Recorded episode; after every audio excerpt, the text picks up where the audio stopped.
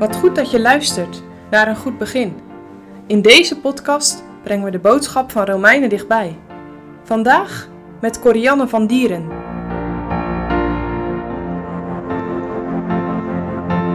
Het Bijbelgedeelte vandaag is Romeinen 11, vers 1 tot 10.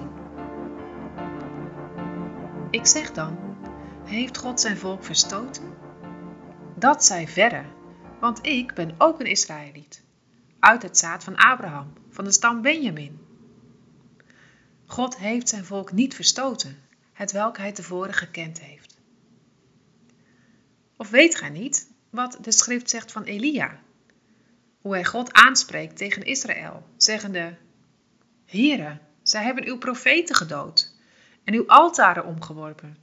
En ik ben alleen overgebleven en zij zoeken mijn ziel maar wat zegt tot hem het goddelijk antwoord? Ik heb mijzelf nog 7000 mannen overgelaten, die de knie voor het beeld van Baal niet gebogen hebben. Alzo is er dan ook in deze tegenwoordige tijd een overblijfsel geworden, naar de verkiezing der genade.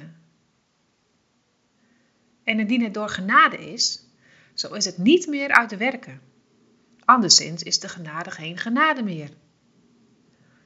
En indien het is uit de werken, zo is het geen genade meer. Anderszins is het werk dan geen werk meer. Wat dan? Hetgeen Israël zoekt, dat heeft het niet verkregen. Maar de uitverkorenen hebben het verkregen, en de anderen zijn verhard geworden. Gelijk geschreven is, God heeft hun gegeven een geest van diepe slaap, ogen om niet te zien en oren om niet te horen, tot op de huidige dag. En David zegt: Hun tafel wordt tot een strik en tot een val en tot een aanstoot en tot een vergelding voor hen. Dat hun ogen verduisterd worden om niet te zien en verkrom hun rug alle tijd.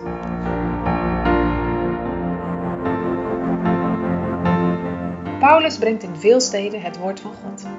Telkens als hij ergens komt, gaat hij eerst naar de synagoge. Dan vertelt hij over de schepping Abraham, Jacob, de profeten. Dan knikken de Joden. Dat herkennen ze en willen ze wel horen. Maar als hij over Jezus gaat preken als zaligmaker van zondaren, schudden de meesten hun hoofd, worden boos, gefrustreerd. Dat willen ze niet horen en al helemaal niet geloven. Het lijkt wel alsof het hele Joodse volk niet in de Heer Jezus als zaligmaker gelooft. Maar dat is niet zo. Paulus zegt: Ik ben ook een Jood. Ik kom zelf ook uit dat volk. Er is een overblijfsel, een deel dat wel gelooft. Hij noemt een voorbeeld. Denk aan Elia. Hij was moedeloos en zei: Heere, de Joden hebben uw profeten gedood en uw altaren omvergeworpen. En ik ben maar alleen overgebleven en nu willen ze ook mij doden. Maar nee, zegt God. Ik heb ervoor gezorgd dat er nog 7000 mensen zijn die hun knieën voor het afgodsbeeld van Baal niet gebogen hebben. En zo zijn er ook nu nog Joden die in de Heer Jezus geloven, zegt Paulus. Die niet zalig geworden zijn door hun perfecte leventje, volgens de regels van de wet, maar door het geloof in de Messias. Uit genade. Genade. Dat je leeft iedere dag eten en drinken hebt, is genade. Dat je kunt studeren, werken, genieten van muziek, de schepping, dat is genade. Het is goedheid van God die je niet verdient. Maar het grootste geschenk van Gods genade is zijn Zoon, de Heer Jezus. Door Hem kun je weer terugkomen bij God. Door Hem kun je vergeving ontvangen van al je zonden en eeuwig leven met God. Niet omdat je dat verdient. De Heer Jezus heeft het verdiend toen Hij de straf voor de zonde droeg aan het kruis op Golgotha. Deel jij al in die genade? God wil ook jou genadig zijn. Geloof je dat?